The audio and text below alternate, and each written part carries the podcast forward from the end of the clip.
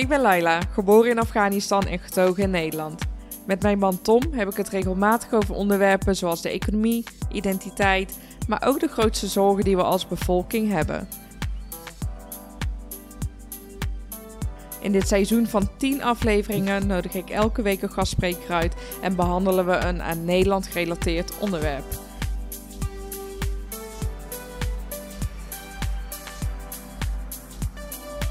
Welkom bij Nederkast, ga mee op reis en laten we Nederland samen ontdekken.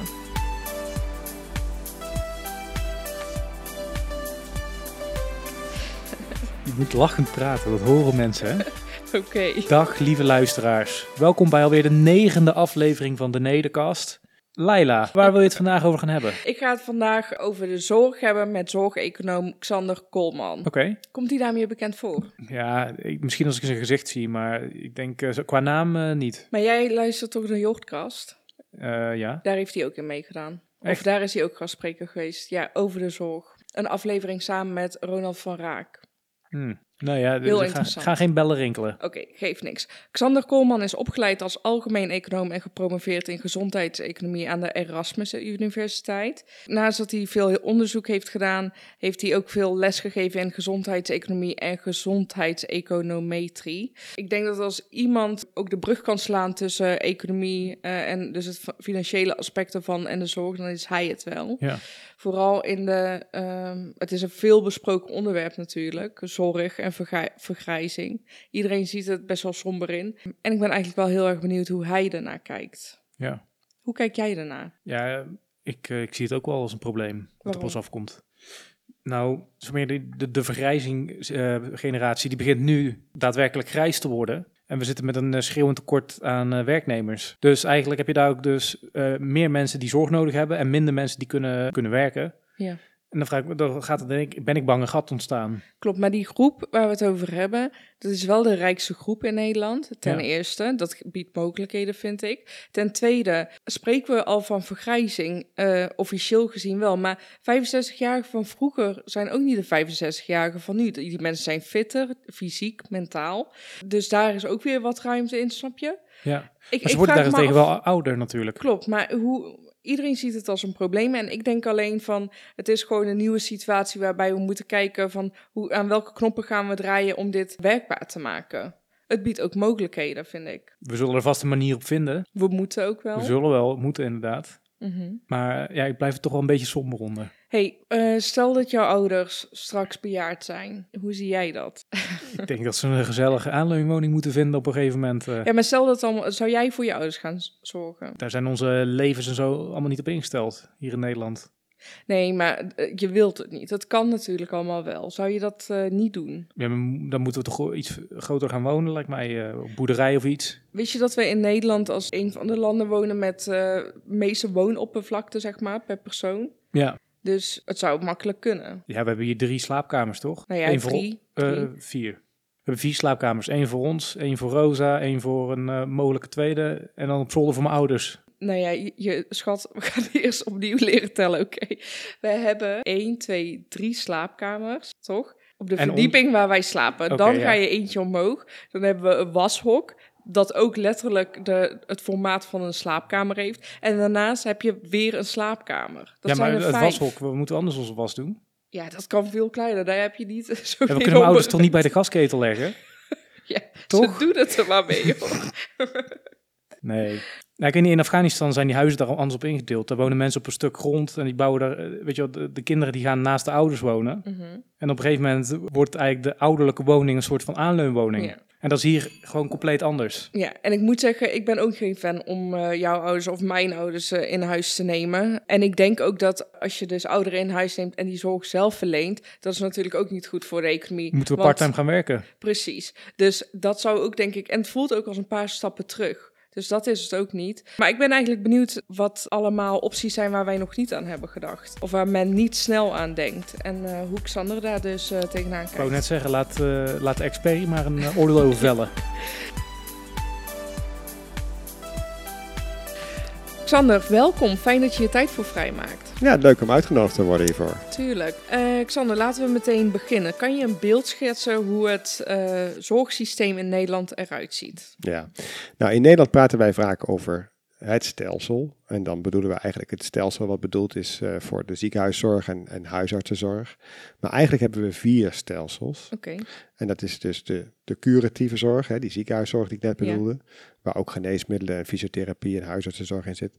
En het tweede stelsel is dan de wet langdurige zorg. Dat is eigenlijk de, de, de zorg die voor, vooral voor ouderen, maar ook voor mensen die uh, langdurig GGZ-problematiek hebben. Ja. En ook uh, gehandicapten bijvoorbeeld, mensen met beperkingen.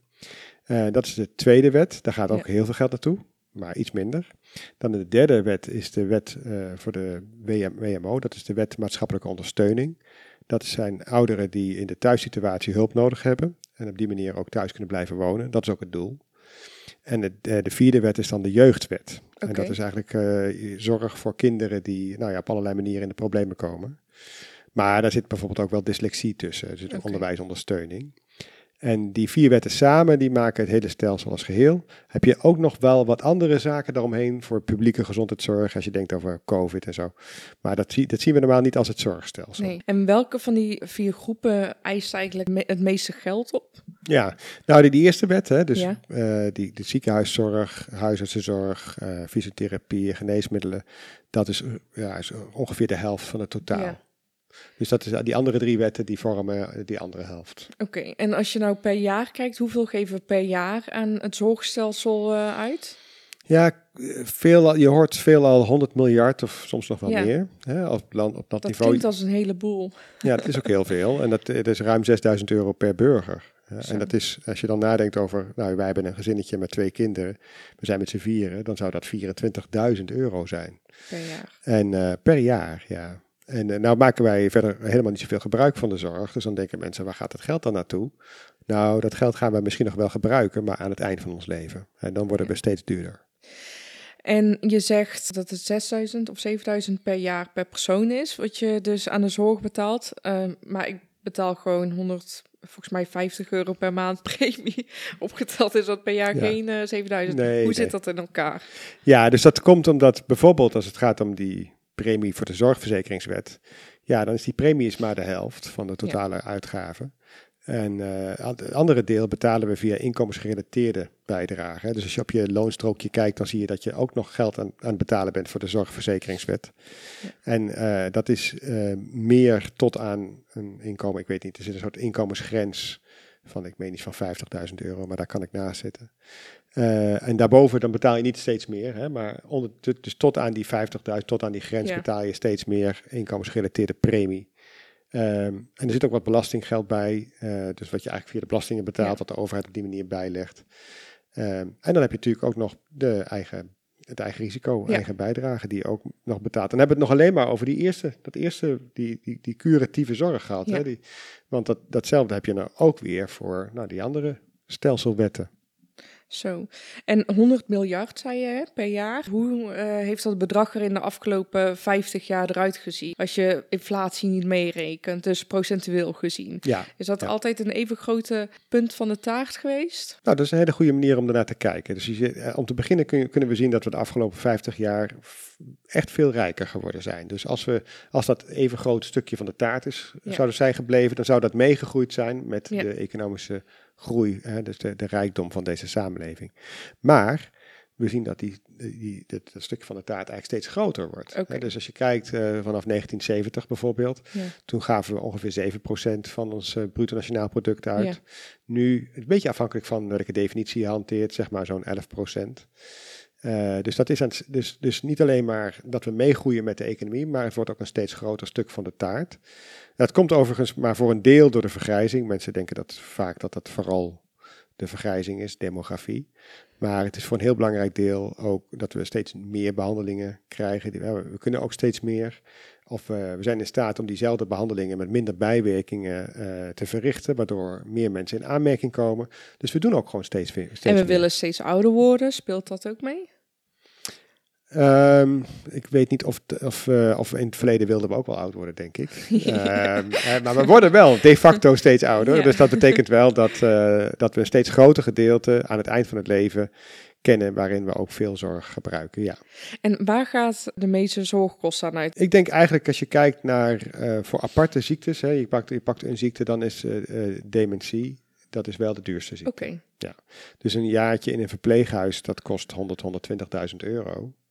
Ehm, en daar krijg je dan helemaal niet zo heel veel voor terug. Hè? Bijvoorbeeld in, in termen van kwaliteitsgewonnen levensjaren. ja, Dus win je daar nou echt extra levensjaren mee? Nou, eigenlijk niet. ja. Ehm, en is dat een, een, een hoge kwaliteit van leven daar? Nou, misschien ook wel niet. Ja.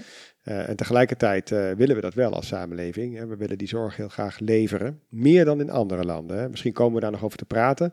Maar eh, wij geven in Nederland meer geld per ouderen uit dan bijna alle andere landen. En hoe komt dat dan? Nou, ehm, dat weten we niet heel goed. Hè. We hebben wel wat redeneringen Ja. en, en theorieën. Maar we zien dat er een aantal landen zijn die vrij veel aan, aan die, die ouderenzorg uitgeven. Dat zijn Nederland, maar ook Denemarken, Noorwegen, Ja. Finland, Zweden, IJsland. En, eh, en een heleboel landen die dat veel minder deden. Duitsland, Frankrijk, België. eh, maar bijvoorbeeld ook Spanje, Italië. Eh, en als je, die, als je daarnaar kijkt, dan denk je, wat, wat maakt nou dat die landen verschillend zijn? Ja. Nou, de- voor, een dikje, voor een stukje kunnen we dan teruggaan in de tijd. En de AWBZ, dat is eigenlijk die wet waarmee we dat, dat hele stelsel hebben Ja. opgebouwd. Hè? De voorganger van de WLZ, de wet langdurige zorg die ik net noemde. Dus die AWBZ, die, is op, die komt uit 1968. En dat was een tijd van nou, flower power en eh, hippies en emancipatie. Maar het was ook een tijd waarin wij erachter kwamen dat er gas onder de bodem zat. Ja, En eh, we hadden dus een combinatie van aan de ene kant ehm, eh, de behoefte om, nou ja, als onderdeel van die emancipatie eigenlijk de zorg voor kwetsbaren meer te delen met elkaar. Dus meer solidariteit, hè, dat het niet, niet, niet eh, eh, steeds op nou ja, de jongste dochter of eh, op de schouders van, eh, van de moeder of, of iets dergelijks terecht zou komen. Het waren toch vooral vrouwen die dat, Ja. die, die zorgplicht plicht voelden, soms ook wel werden aangezet om die Ja. plicht te voelen. Hè. Dat ging ook wel een beetje sociale druk mee gepaard. En toen we dat probeerden te adresseren, toen hadden we in die periode ook in één keer veel meer geld dan we dachten. ja. Dus die gasboringen en, en die, dat was toch een soort van eh, onverwachte rijkdom. Dus dan is het makkelijk om, om dan ook dit soort van wensen in de samenleving te gaan eh, betalen. Maar in Denemarken, waar dat minder speelde, of in Zweden, daar zag je toch ook die sterke uitgavengroei aan die langdurige zorg. Dus wij denken toch dat dat voornamelijk eh, samenhing eigenlijk met ook de emancipatie en met de, wat we ook wel zeggen, de femininity Ja. of de vrouwelijkheid van de samenleving, waarin de samenleving toch iets meer nadruk legt op, eh, op het voor elkaar zorgen ja. dan in de meer masculine samenlevingen waar eh, prestatie eh, wat meer centraal staat. En nu als je kijkt naar Nederland, we zitten nu volgens mij in het beginstadium van vergrijzing, toch? Kan je dat zo stellen? Minder, wij, wij zitten eigenlijk wat, we lopen wat achter op landen als Duitsland, eh, Italië en we lopen fors achter eh, op eh, bijvoorbeeld ook Japan. Ja. Dus we kunnen ook zien dat, hoe, hoe die, hoe die vergrijzing er daaruit zag en wat voor beleid dat, waar dat toe leidde. Ehm, maar langzamerhand ja, komen we toch wel in een serieus deel van de vergrijzing terecht. Ja. Daarmee bedoel ik dat ehm naoorlogse geboortegolf, die wordt nu langzamerhand 80 jaar. Ja, En dat is een, heel, eh, een leeftijd die voor ons heel bela- belangrijk is, omdat we dan zien dat als mensen echt kwetsbaar worden, ja, eh, en zeker als ze alleen komen te staan, dat je dan eigenlijk toch iets van een stelsel nodig hebt met zorg voor die mensen, om, eh, omdat ze niet langer zelfstandig thuis kunnen blijven wonen. in hoeverre heeft dat een impact op de zorg? Ja, dus we zeggen eigenlijk van die, de, de, de zorgbehoefte neemt Ja. fors toe wanneer de kwetsbaarheid toeneemt en mensen alleen komen te staan. Het Centraal Planbureau stelt dat straks 36% van de arbeidende bevolking in de zorg moet werken. Wordt daarin bijvoorbeeld technologische innovatie ook meegenomen? Ik bedoel, eh, wat voor andere oplossingen zijn er dan dat meer dan een derde straks in de zorg moet werken? Ja, dus die berekening is een soort van extrapolatie. Ja, Ah, dus we beginnen met hoe- hoeveel mensen werken er dan nu per ouderen, bijvoorbeeld. Hoeveel ouderen hebben we dan straks? Ja. Hoeveel hebben we er dan nodig? Maar dat soort extrapolaties, die houden geen rekening met het feit dat je die, die arbeidskrachten ook elders nodig hebt in de samenleving. En ook niet iedereen in de zorg wil werken. Ja. Maar als ze dat wel zouden willen, dan is nog de vraag, hoe gaan we dat dan bekostigen? Ja. Eh, daar hebben we daar dus ik denk dat er om heel veel redenen dat dat nooit gaat gebeuren, hè? Ja. Die, die een derde of meer. Eh, en dat is eigenlijk ook wat Centraal Planbureau denkt. Hè. Dus is, ze weten eigenlijk, ze- met zo'n berekening laten ze zien van eh, de samenleving moet in beweging komen. Ja. We moeten iets gaan doen. We kunnen dit niet eh, laten lopen.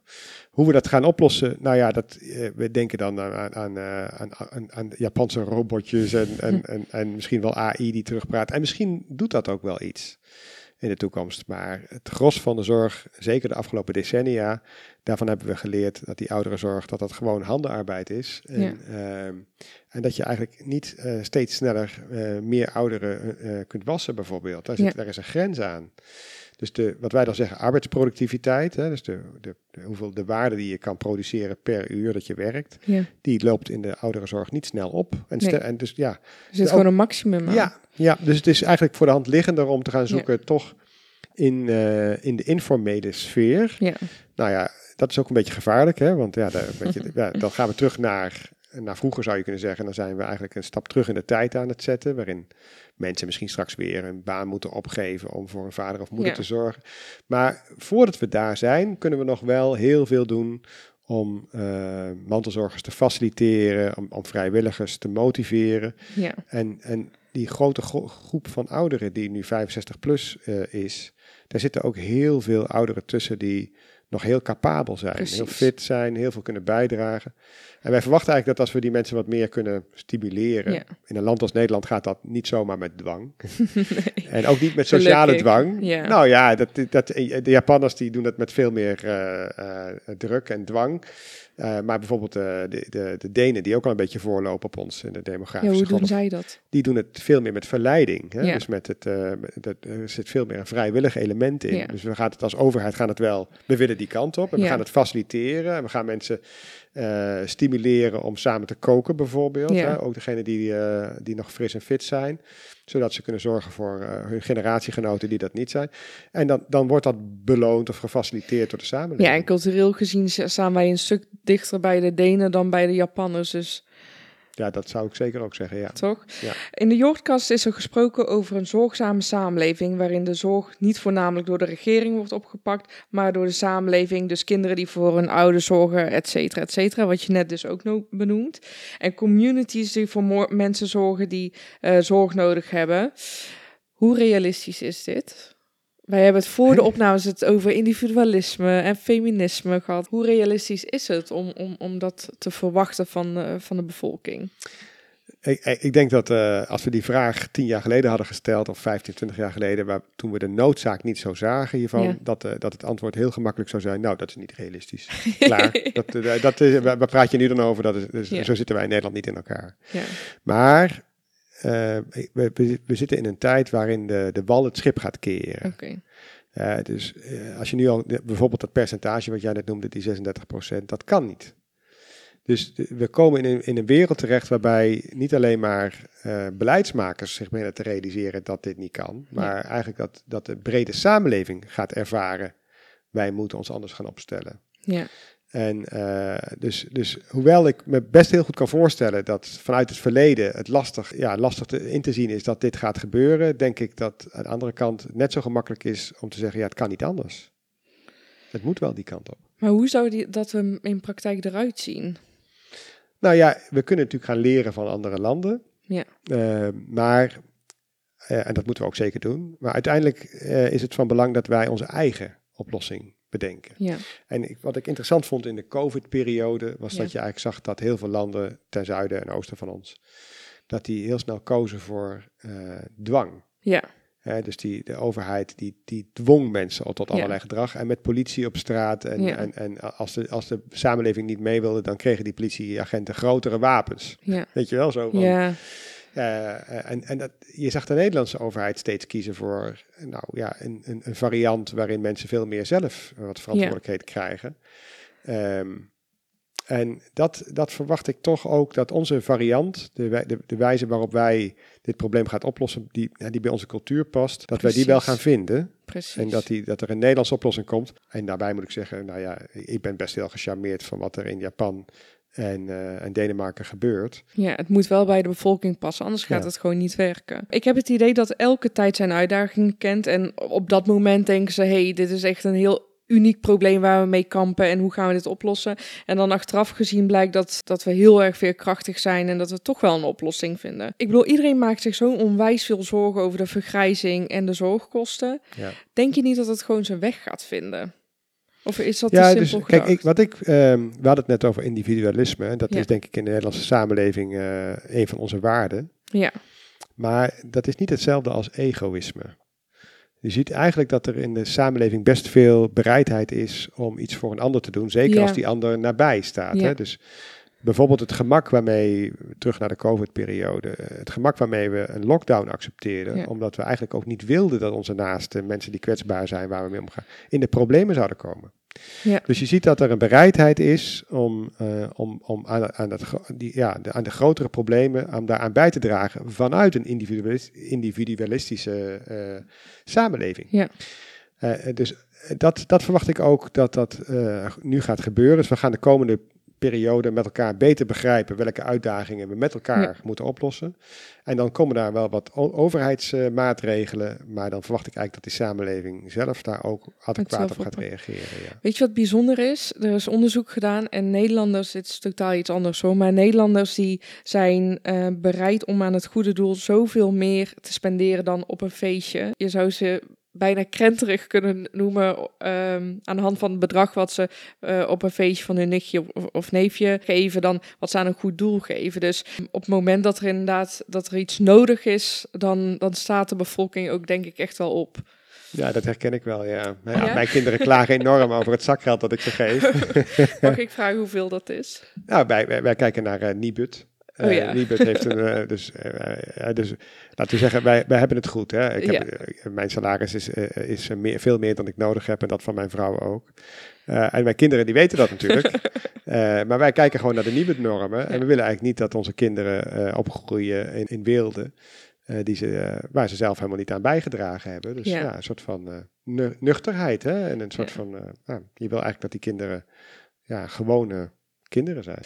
In 2040 zal een behoorlijk eh, percentage ouder zijn dan 65 in Nederland. Maar daar struikel ik altijd wel een beetje over. 65 jaar. Je hebt in mijn ogen 65-jarigen en 65-jarigen. Vroeger waren 65-jarigen echt wel stokoude mensen. Tegenwoordig huppelen er zoveel 65-jarigen rond waarvan je denkt van je bent hartstikke vief en fit en, eh, en bij de tijd. Is het wel zo schrikwekkend? Ja, misschien toch wel. Maar Ja? laten we eerst even praten over dat wat je net duidt. Hè? Die, eh, toen de pensioengerechtigde leeftijd op 65 werd gezet, toen eh, waren er genoeg mensen die eh, al werkend eh, doodgingen, nog voordat ze dat pensioen haalden. Dus het was Zo. bijna een soort van, oh het is gelukt, hè? mag ik nog een paar jaar leven en dan ga ik dood. Oh. En dat was toen eigenlijk eh, de norm.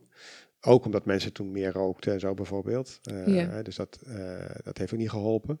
Maar het, het werk was ook zwaarder en eh, de sociaal-economische omstandigheden waren minder gunstig dan nu. Die, de 65-jarigen van nu, die hebben nog een levensverwachting van ongeveer 20 jaar. En dat is hartstikke mooi. Ja. Een deel daarvan is ook nog in goede gezondheid. Zeker voor de hoger opgeleiden. Is, die hebben nog een aantal gezonde levensjaren te gaan. En de vraag is nu, waar worden die aan besteed? Ja. Dus als we die, eh, die jaren besteden aan, eh, aan vakantie vieren Ja. en, en, en lui- lekker luieren Ja. en, eh, en de wereld verkennen en over de wereld rondzeilen, dat is hartstikke mooi. Maar tegelijkertijd is dat, zijn dat geen productieve bijdrage aan de samenleving. Nee. Dus als we die, die extra levensjaren die ook in gezondheid worden doorgebracht, als we die som, op een of andere manier ook productief weten te maken voor de samenleving, eh, en, en niet onder dwang misschien, maar eerder ook gestimuleerd. Hè? Dus Ja, dat mensen precies. daar eh, dat nog zinvolle in, eh, Ja. besteding aan een dag kunnen geven. En op die manier kunnen bijdragen aan de, aan, aan de greater good of all. Ja. Nou, als dat, ehm, als dat lukt, dan is die vergrijzing is, is, een, is een beloning als het ware. Is een soort- succesmaat. Maar als die mensen voor zichzelf, ja, weet je wel, achterover gaan leunen en, en niet meer bijdragen aan de samenleving, dan is het een zware last. Ja. En dan zullen we zien dat, eh, nou ja, dat het steeds moeilijker wordt om die AOW-bijdrage op te brengen met elkaar. op het moment dat die mensen dus die en nu tegenwoordig langer leven, eh, dus achteroverleunen en niks doen, dan, dan dat is iets heel negatiefs, want dan gaan die zorgkosten enorm omhoog. Maar op het moment dat je dus die groep weet te stimuleren, dan kan je dus misschien eigenlijk dus op dit moment niet eens van vergrijzing spreken, of wel? Want eigenlijk zijn, want wanneer spreken we van een vergrijzing?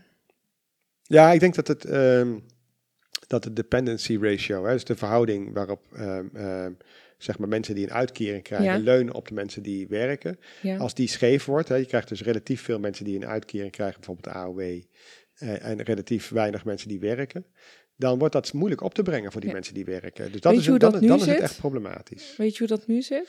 Dat Eh, percentage? Nou, ik weet dat in de komende jaren eh, het aantal ouderen per jongere gaat verdubbelen. Dus dat die verhouding wel heel, heel erg eh, snel achteruit gaat. ja. Ik weet de precieze getallen, weet ik helaas niet. Xander, ik heb de oplossing. Nee, ik heb niet de oplossing. Maar ik zat te denken, zou het niet een tweedelige oplossing kunnen zijn? eh, dat er aan de ene kant, eh, want die, ouder, de- die groep ouderen, dat is de rijkste groep in Nederland. Hè? Dat kunnen ja, we wel dus stellen. niet, niet zozeer per inkomen, hè, maar ze Ja. hebben veel kapitaal opgebouwd. Precies. Het zit wel vooral in stenen, hè, let op. Je kunt niet zomaar uit het huis halen, dat geld. Ja, Maar ze hebben, ze hebben veel kapitaal, zeker. oké. Stel je zou aan de ene kant dus zorgen dat erfbelasting wordt verlaagd op het moment dat de kinderen van die ouderen voor die ouderen zorgen. Eh, dus dat het, dat het gestimuleerd wordt als een soort van beloningssysteem. Dus aan de ene kant kost dat inderdaad de regering geld, maar aan de andere kant gaan de zorgkosten omlaag. Dus stel je zou dat aan de ene kant als oplossing hebben en aan de andere kant, je hebt dus die groep ouderen waarvan dus de ene 65-plusser niet de andere is. Dat je daarin ook die groep stimuleert om voor elkaar te zorgen. Dan ga je eenzaamheid tegen en dan gaan de zorgkosten ook daar omlaag. Of is dat te Ja. simpel gedacht? Nou, ik vind het twee heel leuke ideeën. Eh, eerst eventjes eh, over die erfbelasting. Dus dat betekent dat eh, mensen die veel te vererven hebben, Ja. dat er nu op dit moment is die erfbelasting vrij laag. En wat ook wel bijzonder is, is dat het opbouwen van kapitaal in Nederland ook bijna onbelast gaat. Hè? Dus meer, minder dan in andere landen. Dus het is heel gemakkelijk, nou ja, heel gemakkelijk. Maar laten we zo zeggen, er, zit, er is weinig nivellering op dat vlak. En dan betekent dat dat er veel geld van de ene generatie op de volgende gaat. En je zou dan kunnen zeggen, als die kinderen niet dan voor die ouderen zorgen, Ja. dan, dan eh, gaat die erfenisbelasting omhoog. En dan wordt dus een groter gedeelte van die kosten die dus de samenleving heeft moeten opbrengen, via die erfenisbelasting misschien weer betaald. Oh ja, dan. Ja, nou, dat, dat, daar, daar vind ik wel wat in zitten, Ja. zeker. En ehm, je, het is dus, eigenlijk zou je ook kunnen zeggen, het is dan toch die oudere generatie die via die erfenisbelasting, weliswaar na hun leven, toch bijdragen aan de zorgkosten voor hun eigen generatie. En daar ben ik zeker wel van gecharmeerd. Ja. En die andere, eh, die tweede oplossing is Ja. dat je dus mensen, ouderen, probeert eh, te activeren. En ik denk dat dat is wat andere landen ook al hebben gedaan. En eigenlijk ook, wat mij betreft, eh moeten dat zeker proberen. We weten nog niet zo goed hoe we dat moeten doen. Maar ik denk dat we dat gaan leren de komende tien jaar. Ja, wij hebben toen net een heel gesprek gehad over individualisme. Denk je niet dat wij te individualistisch zijn om zo'n maatschappelijk probleem eigenlijk op te pakken? Ja, dus ik denk dat, dat eh, onze samenleving, eh, nou ja, ik zou ook wel heel graag zeggen, eh, gericht is op vrijheid voor het individu, om zijn Ja. eigen of haar eigen leven in te richten. En, ehm, en dat, dat, dat sluit aan of volgt op het individu- individualisme dat wij hebben ehm, ontwikkeld. En dat betekent dat, dat we niet zomaar meer ehm, met sociale druk bijvoorbeeld, Ja. wat vroeger wel het geval was, eh, ook in mijn familie, als ik wat verder in de wat, het, eh, twee generaties eh, terugga, eh, waarin, we, waarin vrouwen onder druk werden gezet Ja. om, om voor andere ehm, familieleden te zorgen die meer zorg nodig hadden. Die, die, die, die tijd die, is, die lag achter ons en ligt achter ons. En ik, en ik verwacht ook dat, het, dat die niet zomaar terugkomt. Ja, Dus ehm, tegelijkertijd is dat wel de reden waarom wij veel meer geld uitgeven aan de, aan de ouderenzorg, aan de langdurige zorg, dan landen om ons heen. hè. Dan, en dan heb ik het met name over Duitsland, Frankrijk, Ja. niet, niet zozeer de Scandinavische landen. dus misschien waren die kosten er al, maar die werden on, nou, ja, onderdrukt omdat vrouwen dus dat werk op zich namen. Zeker, Toch? zo zie ik het Dus zeker. want die ja. kosten gaan, worden niet opgehoopt omdat de samenleving bijvoorbeeld eh, in slechtere gezondheid verkeert. Nee, het is veel meer dat die kosten eh, in één keer collectief worden gedragen. Ja. Dus die kosten die, die, die, die werden eerst gedragen door, ja, door individuele familieleden, veelal vrouwen. En, Ja. dan, en, eh, en, en, en nu, eh, in de of eigenlijk sinds de ABBZ, zijn wij in Nederland die kosten wat collectiever gaan dragen. Waardoor individuen, dus die vrouwen die voorheen onder druk werden gezet, nu een eigen leven zelf kunnen inrichten. Hè? Bijvoorbeeld wel of niet een gezin Ja. eh, stichten, wel of niet een eigen carrière hebben. Ja. Dat soort keuzes.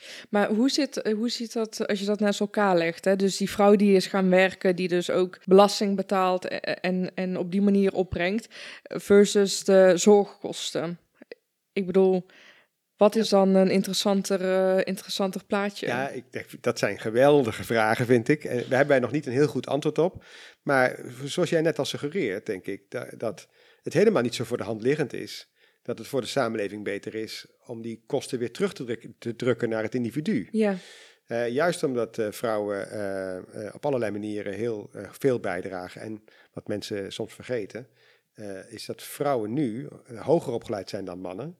En bijvoorbeeld ook tot aan een, een, een eerste kind een hoger inkomen verdienen dan mannen. Echt? Het scheelt niet zo heel veel, maar het is wel, ja. ja. En het heeft vooral te maken met het feit dat ze nu dus ook beter opgeleid zijn. Of bijvoorbeeld ook wel eens eerder klaar zijn met een Ja. opleiding dan mannen. En, ja, want eh, vrouwen doen het wel beter op school. Dat ja, weet ik wel, ja, dan mannen. Ja, Dus dat betekent dat als, als wij nu weer teruggaan naar vroeger, dat de maatschappelijke kosten daarvan groter zijn. Want vrouwen zijn nu veel productiever, Ja. dragen nu per uur veel meer bij aan, eh, aan, aan, eh, in de samenleving Ja. dan mannen. Eh, niet dan mannen, maar vooral dan vroeger eigenlijk, moet Ja. ik zeggen. Zodat, zodat die kosten van teruggaan naar vroeger eigenlijk nu ook hoger zijn.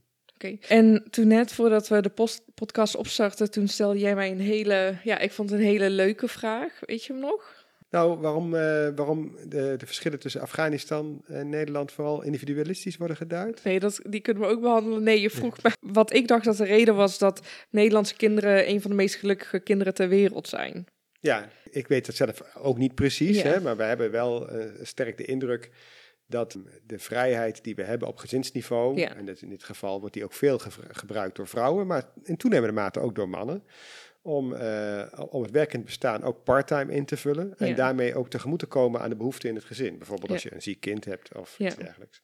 En, de, en daarmee niet ook gelijk te kiezen voor een voltijdsbaan of helemaal niks. Ja, Maar, maar nog steeds wel bij te dragen, een eigen leven te hebben. ja. En tegelijkertijd ook mee te kunnen veren met wat soms nodig is in, eh, in, in het gezin. Of, eh, in Dus we hebben gewoon een perfecte balans eigenlijk ontwikkeld. Ik denk dat die vrijheid, die flexibiliteit ehm, eh, om, om, om zelf te kiezen hoeveel uren je werkt, dat dat een heel belangrijke eh, bijdrage levert aan, aan het, natuurlijk niet alleen het individuele geluk, maar het gezinsgeluk. Ja, En die, die, die wordt nu een beetje betwist, hè? want eh, we hebben natuurlijk tekort aan arbeid. En Ja. dan zie je dat er vanuit de werkgevers heel snel gedacht wordt van... oh, het zou toch wel heel mooi zijn als die vrouwen ook voltijd zouden werken allemaal. En, niet, niet, en dan zeg ik ook, want steeds meer mannen gaan parttime werken. Maar dus dat, dat geldt ook voor mannen en vrouwen. En dat is voor werkgevers wel een oplossing, maar ik denk eh, voor het gezin eigenlijk niet. Ja, dus dat daar rekening mee wordt gehouden. En even terugkomend op eh, Afghaans en Nederlands en dat individualisme, dat was inderdaad ook een heel interessant gespreksonderwerp. Want stel dat voor onze ouderen eh, steeds meer zelf gaan zorgen. Ik kom uit een eh, cultuur wat veel meer op het collectief is gericht. Ik woon in een land wat veel meer op het individu is gericht. Nou ja, ik, zou heel, ik zorg heel graag voor de mensen om me heen. En ik vind dat iedereen dat ook wel eh, als dat hem of haar ligt, ook moet doen. Eh, maar tegelijkertijd zie ik daar ook de, de ja, even haakjes, de minpunten van. Omdat ik juist uit, een, eh, uit zo'n cultuur kom. Dus zodra wordt gezegd als oplossing van ja, de, de kinderen moeten voor de ouderen zorgen, dan denk ik bij mezelf, oh nee, dat voelt als tien stappen terug. Ja, ja. En, en wat, wat hier speciaal is, is het woord moeten. Denk Ja. ik, hè? Dus eh, als je de kinderen in staat stelt en beloont om voor een oudere te zorgen, zodat die kinderen dat uit vrijheid kiezen, Ja. prima denk ik, hè? past ook bij jouw beeld. Ja, Maar, eh, maar zodra we daar een moeten van maken, en dus eigenlijk met een collectieve druk gaan werken, en dan is dat een stap terug van het individu- individualisme terug Ja. naar het collectivisme. ja, En ik, ja, dat zou historisch inderdaad een stap terug zijn. Ehm, en ik, ik blijf maar benadrukken dat eh, eh, het individualisme van de Nederlandse samenleving niet ook gepaard gaat met egoïsme. Het is Ja. niet dat wij een egoïstischer volkje zijn nee, dan, dan, dan de andere volkeren. Dus, eh, dus we kunnen wel degelijk aanspraak maken op die behoeften die mensen voelen om voor Ja. elkaar te zorgen. Alleen zal dat wat meer via verleiding gaan, hè, het overtuigen, motiveren, dan via dwang en drang en verplichting. ja. In hoeverre zal de overheid, denk je, hierin een rol moeten spelen? Ja, de Nederlandse overheid ehm, eh, die houdt er wel van om, om vrij terug, een beperkte rol te spelen, eh, een beetje teruggetrokken. Dat willen wij als bevolking ook wel, Ja, en wij, en wij kiezen deze Ja. regering en Ja, deze politici precies. die dat dan weer doen. Eh, dus dat klopt, denk ik. Eh, dus wat er gaat gebeuren is dat de Nederlandse overheid vermoedelijk wel doorheeft dat er eigenlijk geen andere weg is dan, dan deze weg. Eh, en tegelijkertijd, eh, dus, eh, dus ze wil, hè, die overheid zal, zal er veel ehm, belang aan hechten dat de samenleving deze stappen maakt. Maar zal daar eerder in faciliteren dan gaan, Leiden. dan gaan leiden. Nou ja, leiden misschien wel in de morele kant van Ja. leiden. Dus dat je wel zegt van dit, is, dit is de toekomst waar we naartoe moeten. En, maar vervolgens daar meer een ondersteunende rol kiezen dan een, een afdwingende Ja. rol. Ik wil de podcastaflevering gaan afsluiten. Eh, nou is mijn conclusie na dit gesprek z- de zorg, de zorgkosten, vergrijzing, de ouderen. Is dat eigenlijk best wel altijd negatief afgeschilderd in, in de kranten, in de media. Maar als ik dit gesprek zo aanga, dan heb ik het idee dat we dus perfecte balans hebben met hoe de vrouwen nu in de samenleving zich gedragen, om het zo te zeggen. De verdeling van het werken en toch het huishouden ook. Ehm, onze ouderen worden steeds ouder, maar ook steeds eh, ja, fitter. Dat zijn allemaal positieve trends. We hebben dus een uitdaging die we met z'n allen moeten oplossen. Maar het klinkt in mijn oren niet zo extreem negatief als dat het wordt afgeschilderd. Hoe, Nou. hoe, als expert zijnde, hoeveel zorgen moeten we ons maken? Kijk, ik denk eigenlijk dat eh, de kern van een zorgstelsel Ja. is eigenlijk solidariteit. Ja. Of eh, wij gebruiken het woord toegankelijkheid. Ja. Hè? Het toegankelijk maken van de zorg die mensen nodig hebben.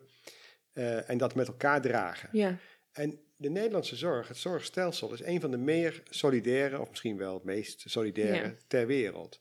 En, eh, en dat betekent dat wij eigenlijk tot op heden heel erg bereid zijn om die gezamenlijke kosten te Ja. dragen, om voor elkaar te zorgen. En eh, ja, dat is, dat is goud, vind ik. Ja, als, vind je, als je nadenkt over. En dat, dat is ook een, een basis die, als we de, de uitdagingen van de toekomst gaan bekijken, dan, dan is dit een. Het feit dat wij bereid zijn dit voor elkaar te doen, Ja. is een heel mooi uitgangspunt om de problemen die echt wel gaan komen, ja, om die problemen met elkaar ook eh, gewoon met open vizier Ja. eh, samen te gaan oplossen. Heb je daar vertrouwen in? Het is mijn werk. Dus je hebt er vertrouwen in. Ja, dit is wat ik doe. En, ik, en, ik, en ik ben maar één van velen. Ja, nou ja, ik ben in ieder geval eh, onwijs blij dat ik eh, zelfs met deze uitdaging in het vizier dat ik eh, in een land als Nederland woon. En ik heb er ook vertrouwen in dat we dit gewoon met z'n allen op gaan lossen. Xander, ik wil je onwijs bedanken voor je tijd en voor je expertise die je met ons hebt gedeeld. Dank voor dit leuke gesprek.